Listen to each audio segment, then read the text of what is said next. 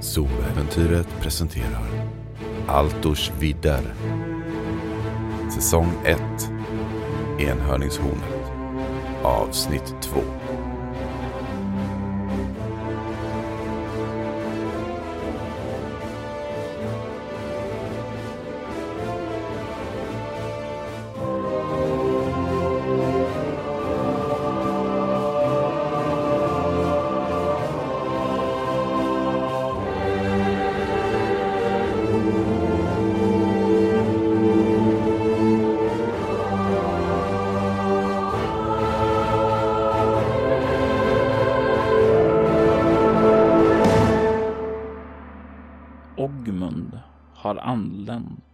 till den livgivande källans tempel och överlämnat meddelandet till den helgade. Han fick veta att Vegelmunkarna i Torshem hade skickat meddelandet för att hämta en gammal relik ifrån Jorpagnas kejsarrätt, spiran Larima och att den skulle färdas tillbaka. Han fick även veta att templet hade sina egna problem. Problem som Ogmund, om han ville, kunde få hjälpa till med. Han behövde tänka på saken och blev inbjuden att stanna över natten. Han har fått ett gott mål mat. Han har fått vila upp och han har bemötts på ett vänligt sätt här i templet. I alla fall om man bortser ifrån portvakten Liethon som fortsatt varit misstänksam. Natten har kommit och gått och frukosten har avnjutits. Hur har alla de här intrycken påverkat Ogmund? Jag har nog aldrig känt att någon som jag har mött min fosterfar Bern som enda undantag. Att någon har bemött mig med så mycket vänlighet och fördomsfrihet någonsin förut än vad den helgade och hennes systrar har gjort. Jag har kunnat eh, få folk att förstå att jag inte är en buse eller att jag inte är en, en hemsk och farlig person förut. Men jag har alltid behövt bevisa det först och sen har vänligheten kommit. Eller att min fosterfar har verkligen fått gå i god för mig. Men att någon liksom så här förutsättningslöst bara accepterat mig, det har, det har aldrig hänt förut. Jag är lite chockad, lite, är nog lite, ska man säga, jag är nog lite tafatt nästan och lite blyg inför det här faktumet. Tänker nog att jag helst gärna skulle velat flörta lite med någon eller några av systrarna här. Men jag tror att jag, jag har nog inte riktigt vågat det. För jag vill liksom inte förstöra den här situationen av, av att jag bara accepteras som den jag är. Däremot tror jag nog verkligen att när jag har suttit i samtal med någon eller några av systrarna vid såväl middag som frukost och så har Liethon kommit förbi och, och surmulet blängt åt mig så har jag nog verkligen sådär triumferande lätt tillbaka mot honom och, och verkligen gloated över faktumet att, att det bara är han som ser ner på mig här och ingen annan. Men jag trivs här otroligt mycket och jag känner mer och mer att oh, de här religiösa människorna, de här fridfulla människorna, de, de kommer ju aldrig kunna lösa sitt problem med den försvunna systern och den försvunna reliken. Nej, den här spiran får nog vänta lite. Alltså, det, hur viktigt kan det vara att den kommer tillbaka fort? Jag, jag måste erbjuda min hjälp att försöka mm, söka upp den, den försvunna systern och den här försvunna reliken. Eh, de kan inte lösa det själva. Sådana här gudfruktiga personer och nej, nej, Eh, de, de kommer behöva anlita någon som, som är lite mer van vid att ta i, ta i med hårdhandskarna. Och det är jag. Så att efter frukosten så, så försöker jag se mig omkring om jag ser den helgande någonstans. Och du ser henne sittandes borta vid sitt skrivbord. och verkar göra en del anteckningar och förberedelsen för dagens sysslor.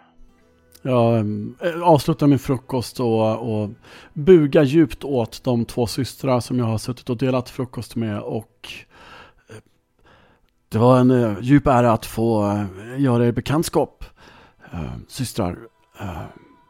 Tack så mycket Agmund. Jag hoppas att du vandrar med frid. Det skulle vara någonting ovanligt, men det hoppas jag också. Varje dag, faktiskt. Eh, på återseende. Och sen tar jag mig bort mot, mot den helgade och bugar ännu djupare.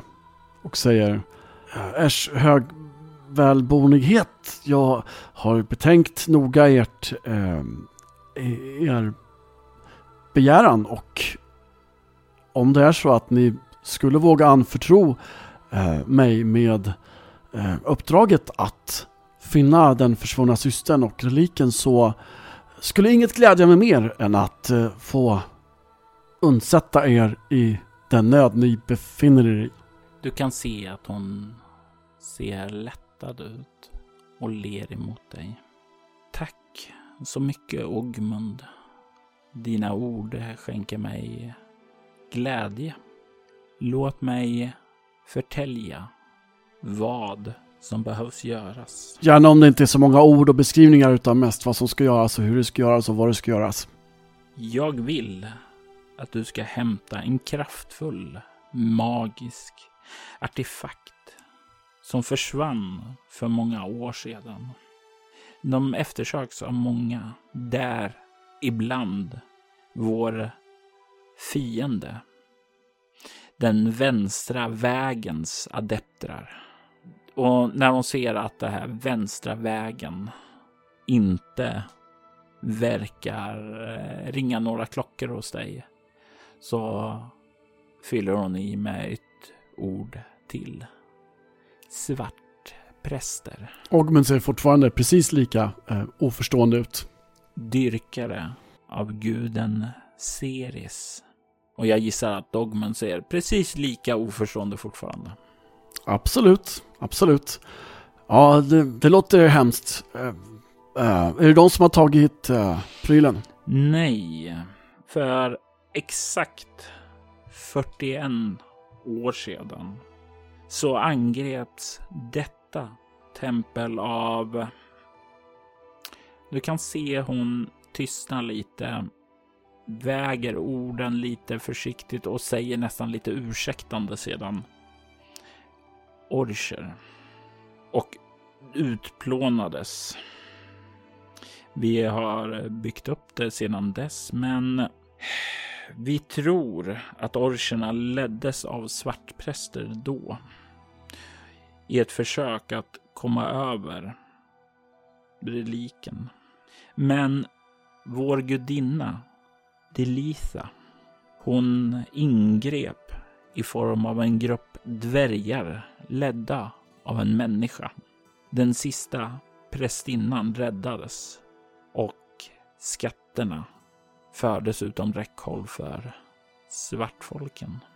Vi trodde att våra reliker hade hamnat hos dvärgarna, men diskreta efterforskningar har gjort att vi tror inte att så var fallet.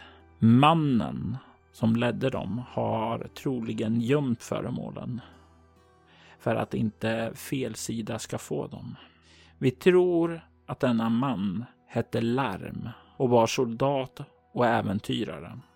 Enligt våra efterforskningar finns det två stycken alternativ.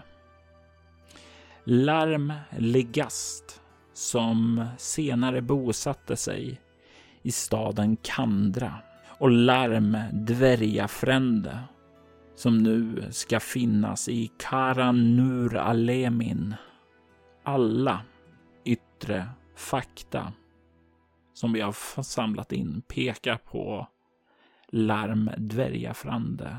Men det är någonting i mig som får mig att tro ändå, min magkänsla, att det är larm Legast som har skatten. Vi vet att svarttemplen söker efter de här föremålen också. För tre månader sedan rövades en novis ur vår orden bort av dessa förhatliga hantlangare. Hon var i rakt nedstigande led släkt med grundaren av det krossade templet, den som överlevde. Och hon besatt stora mediala krafter. Hon är på något sätt knuten till föremålen, även om hon är blott 12 år fyllda och inte vet mycket om vår historia. Mina planer är att med ett större följe rida till Karanur Alemin för att leta efter larmdvärgafrände. Vi har blivit lovade hjälp i form av några ljusa tempelriddare från en annan vänorden. Med detta i ögonfallande sällskap hoppas vi kunna dra bort Seris tjänare från Kandra och locka ut dem i ljuset och oskadliggöra dem. Jag vill att du, Ogmund, tar dig in i Kandra och kontaktar Larm Legast. Försök få med er föremålen och ta dem hit till Liethon. Vill Larm inte lämna ut föremålen? Så tar jag dem. Du ser när du säger det att hon... Äh, äh, innan du försöker ta dem så kan du visa honom den här. Hon håller fram en enkel amulett och jag tänker göra ett slag här för dig igen. Och den här gången så vill jag att du noterar en erfarenhetspoäng i färdigheten känna magi. Han borde känna igen den här och inse att du är en vän. Om det visar sig omöjligt, om du inte kan få tag i dem, så vänta där, vaka över dem tills vi kommer. Vi ämnar att bege oss till Kandra efter vi är klar i Karanur Alemin. I Kandra så har vi en syster i en eh, vänorder. Hon gömmer sig hos Ninave-prästerna. Kontakta henne inte utom i absoluta nödfall. Vi är rätt så säkra på att svartprästerna håller henne under uppsikt och det, om ni gör det så kan ni riskera både ert och hennes liv. Men om eh, läget skulle kräva det så har ni i alla fall en allierad där i staden. Vi tror också att vår kidnappade syster också kan hållas fången någonstans i Kandra. Uh, vänta, var det tolvåringen? Ja. Ja, just det. Just. Flickan heter Liella och hon ger också dig ett signalement på flickan. Att hon är ett vackert barn med långt kastanjebrunt rakt hår som inte riktigt nått sin fulla mognad men ändå ger ett respektingivande intryck. Och att hon på den högra axeln har ett födelsemärke i form av en enhörning. Nu är ju Ogmund inte särskilt berest och akademiskt kunnig, men enhörningar har han trots allt hört talas om i berättelser som har talats på värdshuset. Du kan också kolla på en bild som du har fått med i ditt ark där, hur hon ser ut. Absolut. Um, redan när hon började med sin historia med för 41 år sedan så, så himlade Ogmund lite grann med ögonen. Uh, och sen kom den här långa historien med massor med exposition. Och han ju har kanske greppat hälften. Så att han jag säger det, när hon är klar så säger jag um, Jag åker till Kandra. Uh, hittar larmligast. Mm. Uh, frågar, visar emblemet och, och säger uh, Hej, uh, du har prylarna som tillhör de här. och, och då förhoppningsvis så kommer han säga Ja, det har jag. här är de. Och när jag ändå är där så ska jag leta efter den här tjejen. och försöka befria henne från... Liella, ja. Ja, just det. Ja, just just just. Enhörning. Allt det där. Uh, och sen uh, tillbaka hit och ge allting till klåpan där borta. Hon ler lite uh, och nickar. Just det, just det, just det. Och tar det lång tid så kanske ni hinner komma dit först innan jag är klar. Det stämmer. Typ så. Ja, och jag har även någonting till dig. Hon tar upp något ifrån en väska åt sidan och räcker över sex stycken salveburkar. Och hon ler mot dig och säger dessa salvor kan läka grova sår. Om möten med svartpräster skulle skada dig så vill jag skicka med dig någonting som kan hjälpa dig. Du kan notera sex stycken salvor med hela E2 på ditt formulär. Oj, det var, det var bussigt. Tack ska du ha. Um, det här Kandra-stället, ligger det långt bort? Det ligger en bra bit härifrån. Beroende på hur du väljer att färdas. Du kan eh, färdas via land eller längs floden att boka en resa med en flodbåt kostar förstås en del pengar och är det någonting vi har dåligt med här så är det tyvärr pengar. Det går även att resa med eh, hästländs landsvägen eller så kan man vandra till fots. Det tar ungefär två dagar med flodbåten medan det till fots tar mer än en vecka. Uh, vad, vad, vad, kostar det att åka promen där? Uh. Ja, jag önskar att jag kunde ge dig uh, den informationen, men eftersom vi här i templet inte är särskilt... Ja, jag förstår, jag förstår. Ja, okej. Okay. Alright. Uh, eh, jag, jag löser det. Jag löser det. Men jag fattar inte. Om de snodde prylarna för 41 år sedan, hur kan hon vara 12? Du kan se hur hon ler överseende och tar ett litet lätt andetag och säger Hon är en ättling. Den sista i klostret här hade ett barn som fick ett barn. Liella. Jo, jo, det har jag. Men var det inte 40, 41 år sedan det hände det här? De snodde grejerna. Jo, och sedan kom föremålen i vad vi trodde var dvärghänder. Men senare bevis har pekat mot larm. Ja, just det. Ja, okej, okay, så det är inte, hon försvann inte när prylarna försvann? Nej, precis. När försvann hon då? Hon rövades bort för tre månader sedan. Ah, okej, okay, jag förstår. Uh, du sa också att, först sa du att det var en pryl som var borta och nu säger du att det är flera prylar. Hur, hur många prylar är det som är borta och vad är det för prylar?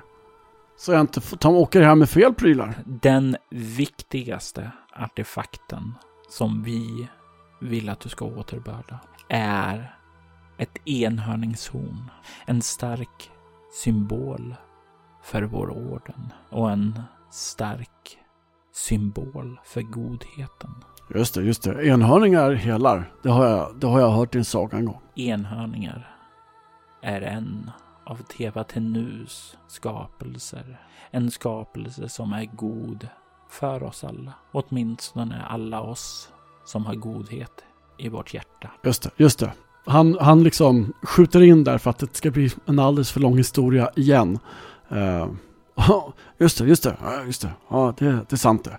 Um, ja, men bra då. Uh, ja, uh, du kanske har uh, lite färdkost bara, möjligtvis man kan ta med sig. Absolut. Och jag har även någonting annat åt dig. Hon gör en gest och din bästa vän Liethon kommer gående. Och jag vill att du tar och slår ett slag för känna magi. Mm. Jajamensan! Du kan se att han kommer bärande på en spira och du känner den magiska energin ifrån den. Det är gjord av guld med inläggningar av metril och ädelstenar.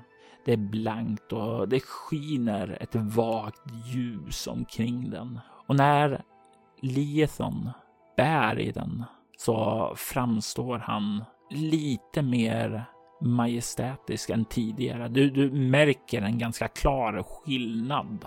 Och äh, den här spiran, tänk dig som en, ja, som kronjuveler. Alltså det är verkligen sån här fin regalia. Det bara skriker Stjäl mig till alla som ser den här. Det är en dyrbar artefakt. Uh, du alltså, den här borde inte jag ha med mig ner dit vet du. Uh, kan inte den vara kvar här tills jag ska upp igen? Vi kan definitivt lämna den här. Men jag tänker mig att den kan komma dig till gagn också. Den som bär den här har möjlighet att använda den till sin favör. Spiran kan nämligen avslöja alla lögner och magiska illusioner inom syn och hörhåll för den som håller i den och koncentrerar sig på den. Det sägs att den kan skingra magiska besvärjelser och öppna låsta dörrar. Men om du vill att vi ska hålla den i vår vård tills dess du kommer tillbaka så gör vi förstås det. Det är en för stor sak för mig att avgöra. Uh, du är mycket visare än vad jag är. Vad råder du mig till? Jag råder dig till att följa ditt hjärta. Du har en ren själ inom dig och den är någonting som jag litar på kommer skydda den. Jag litar på dig Ogmund. Jag litar på ditt omdöme. Ja, det är en kamp inom mig nu. För det här är ju, det låter ju väldigt, väldigt frestande och det låter som att det är någonting som skulle verkligen kunna underlätta för mig. Men jag är helt övertygad om att om jag ska bestämma själv, då lämnar vi kvar den. Jag vill inte riskera att bli av med den här Eh, för att någon statsvakt ska göra en, liksom, en kroppsvisitering på halvorchen som smyger omkring i, i skuggorna. Nej, det vill jag inte ha på mitt samvete. Jag får, dyrka upp lås kan jag göra själv. Um, jag får försöka klara mig utan den här. Så jag säger, jag kan inte riskera att förlora den. Jag är ledsen. Den, jag kan säkert, äh, äh, jag kan säkert fixa, fixa det ändå. det går säkert att, att hitta den där larm och, och, prata med honom och säkert inte allt för många problem i vägen. Eh, tror jag nog. Så att eh, Klåpan här får, får hålla i den ett tag till så får han se lite snyggare ut än vad han gör annars. Det blir bra det. Du kan höra Lieton säga åt den helgade. Ja, vad var det jag sa? Han, han, han är inte redo för något sånt här. Han kommer inte klara det. Jag går och återbördar den dit den ska vara. Och du kan se äh, hur hon suckar lite åt honom, inte åt dig. Säger gör så. Och sen vänder hon sig mot dig. Jag ska skicka några systrar att göra i ordning en ordentlig färdkost åt dig. Det är det minsta vi kan göra. Ja, bussigt. Eh, en sista sak bara. Vad hette hon jag skulle kontakta Kandra om allt skiter sig? Eh, som jag helst inte ska kontakta, men om det skiter sig och måste. Så vem, vad hette hon? Jag fick ingen namn tror jag, eller så har jag glömt det. Hennes namn är Mira. Mira, ja, uh, bra, tack. Det ska jag lägga på minnet. Hon nickar och ler sedan emot dig. Hon tackar dig för att du hjälper dem och reser sig upp sedan, kliver fram till dig och ja, hon kommer väldigt, väldigt nära och sträcker ut sina armar för att omfamna dig. Hur reagerar Ogmund på det? Ja, men jag gör ju den här klassiska liksom, så här, backar undan, spärrar upp ögonen lite grann och så kommer hon närmare ändå och jag liksom, jag, eller jag backar inte men jag liksom lutar mig tillbaka. Och så här, uh, uh, uh, Och sen när omfamningen kommer så står jag först helt stel som en pinne. Och sen successivt så börjar liksom muskel efter muskel att slappna av. Och sen återgällde jag efter ett tag omfamningen.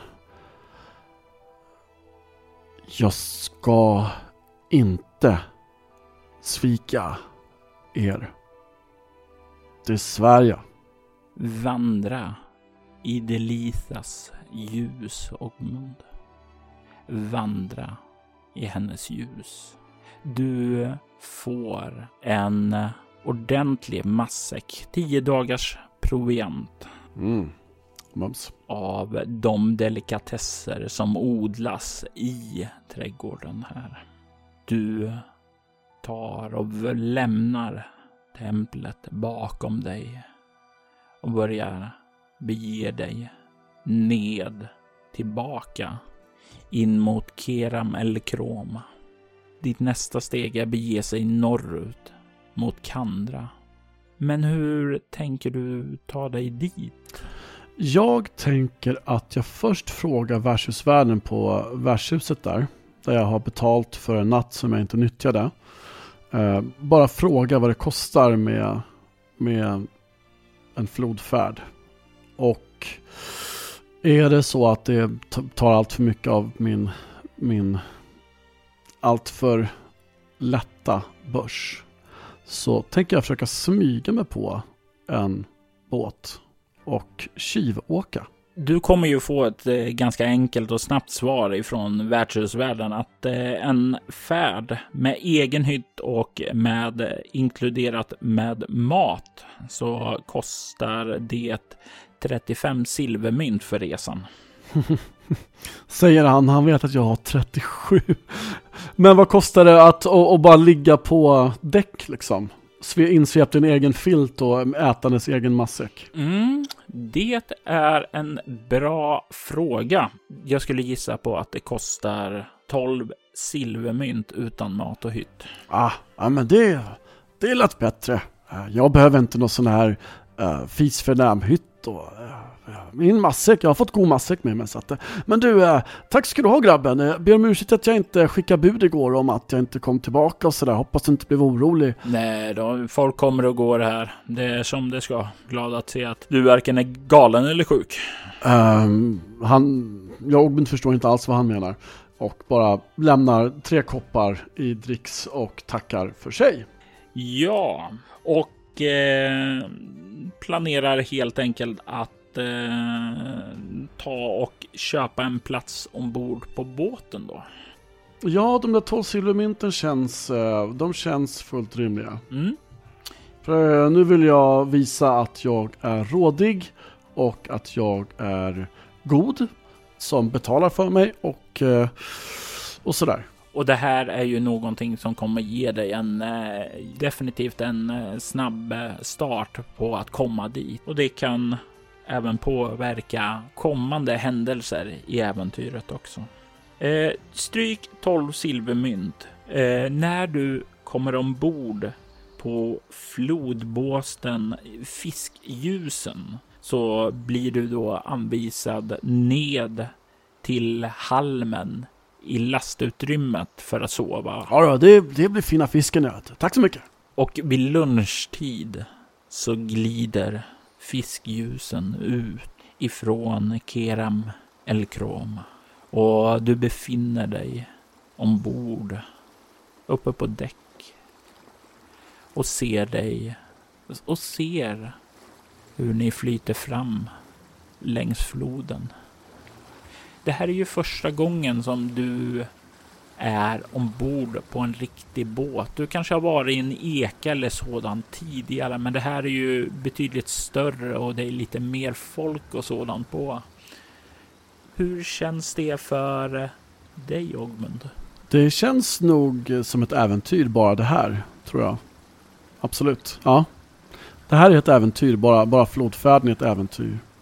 Och står gärna i fören och blickar framåt horisonten med eh, glittrande blick och, och med ivriga, till och med kanske ivriga tjoanden då och då. Så här.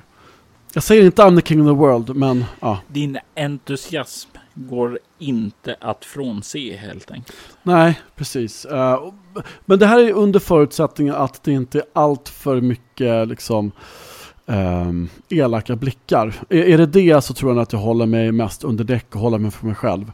Uh, men är de åtminstone så här, ja men mediokert accepterande så, så kommer jag absolut undan mig själv lite entusiasm. Det, det är ju definitivt ingen som vill komma fram och bli din vän här ombord. Det blir väl lite så här misstänksamma blickar, men det är inte så att det är...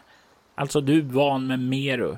Eh, mer dömande, alltså det, så det känns ändå... Ja, men som sagt, ja. Och då, då, då tänker jag undan mig lite entusiasm.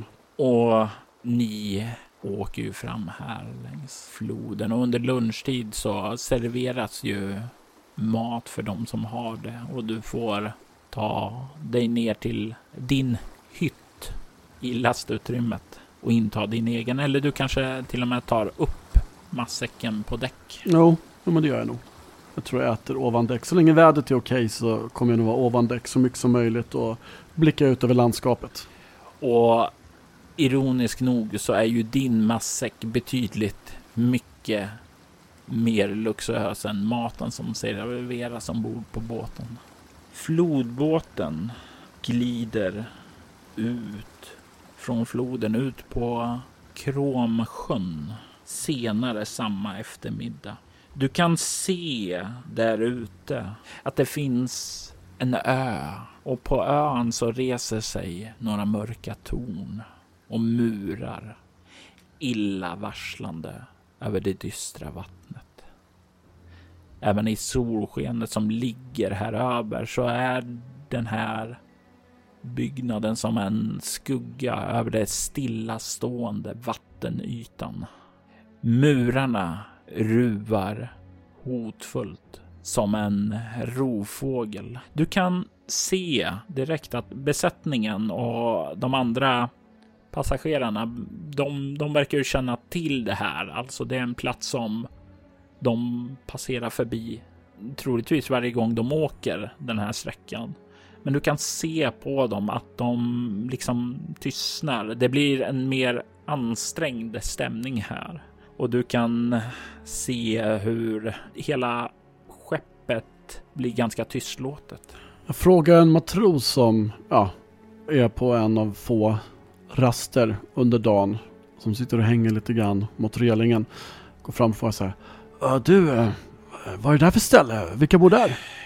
Uh, ja, det, det, det bodde en magiker i borgen en gång i tiden och det sägs enligt sägnerna att han utmanade en gud eller om det var en halvgud eller en demon i, i, i vad, vad, vad som hände.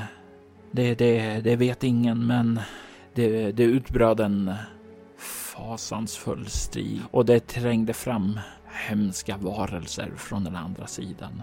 Det sägs att byns invånare och han pekar bort emot en liten fiskeby längre bort där som du inte direkt såg tidigare men när han pekar, jo så kan du nog se det. Byns invånare, ja de blev antingen zombier eller så blev de slavar borta i borgen. Det finns, det finns ingen, ingen som vet vad som händer där inne. Men så länge vi behåller håller, oss lugna och åker förbi den och inte kommer för nära så då är det säkert. Ja, vad händer om man kommer för nära då? Man kommer inte för nära. Det är, det är sånt dårskap. Nej, nej, nej, det händer inte. Ja, känner du någon som har gjort det? Nej, nej, ingen åker så nära. Ja, okej, jag hajar, jag hajar, jag hajar. Chilla. Uh, Alright, men jaha, okej. Ja, men tack. Det var bussigt. Och ni ser hur ni börjar komma närmare den här. Passerar förbi, börjar passera förbi den ena sidan och du ser ju hur kapten börjar försöka och hålla så långt ut som möjligt ifrån skeppet. Jag vill att du ska slå ett finna dollarting och ett upptäcka fara. Alright. FTT misslyckas. UTF. Nej! Jag lyckas inte med något av dem. Fan, jag skulle spenderat Åh, jag skulle spendera psypoäng ju. Varför tänkte jag inte på det? Jag lär inte göra något annat viktigt idag ändå. Ah, ja. Du kan plötsligt höra ett uppifrån borgen. Du kan se ifrån toppen ett stort gult rökmoln slår ut ifrån ett av tornen. Vad är din första reaktion när det sker? Eh, verkar skjuta någon projektil mot oss är nog det första jag tittar efter. Nej, det är inte vad som verkar ske, utan det verkar som någonting har hänt där borta. Och du hör hur plötsligt folk börjar skrika. Och du ser ju förstås varför när du stirrar där bort. Du kan se en nattsvart gigantisk varelse träder fram genom det här rökmolnet.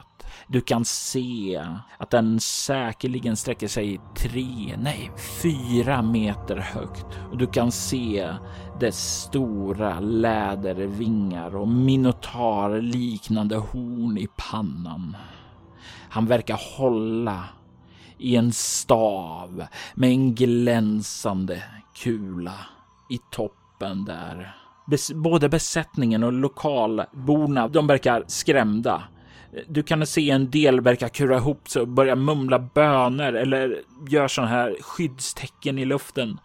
Kaptenen verkar rusa till rodret och slita tag i det från rorsmannen som står förstelnad.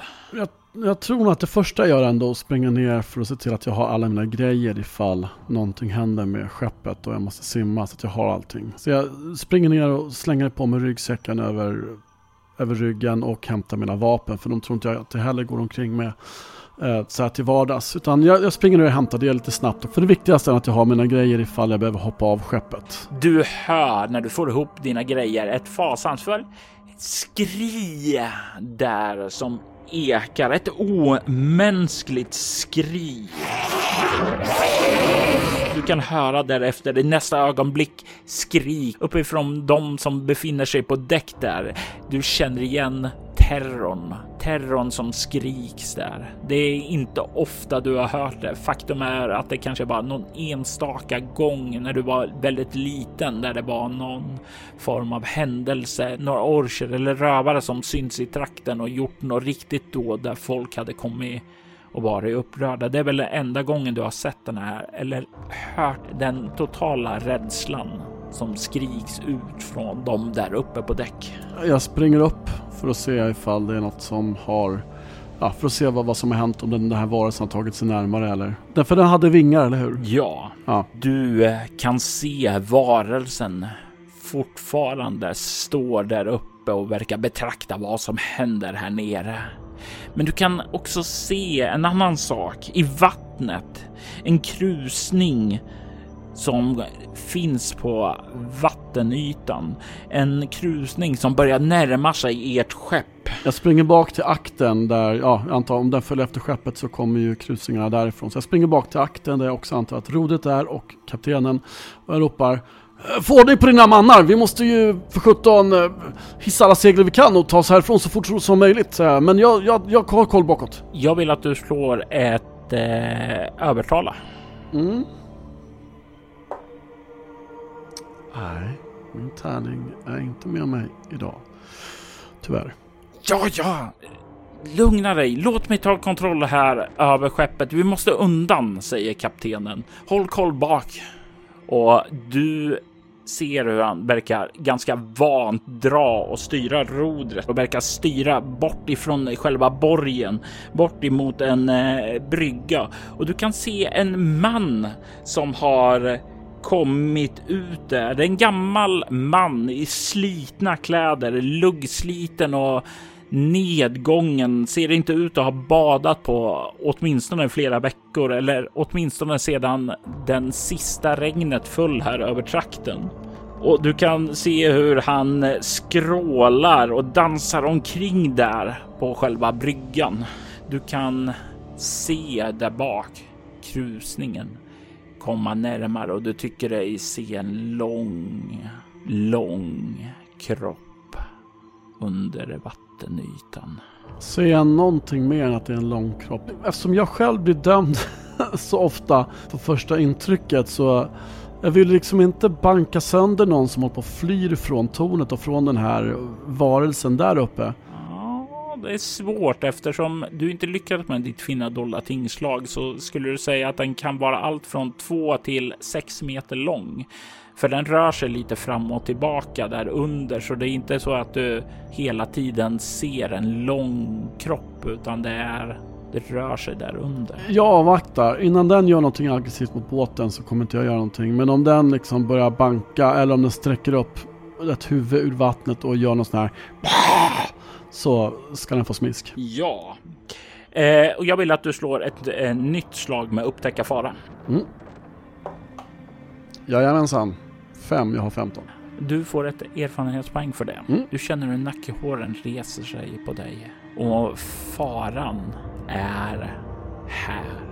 Men det är inte framåt där du kommer ifrån utan du känner den här känslan av obehag komma bakifrån dig. Okej. Okay. Vänder mig om och tittar. Vad är det som känns farligt där bak? Och du ser hur den här besättningsmannen som stod paralyserad som kaptenen drog undan roder för är på väg upp med sitt finger för att peka emot dig.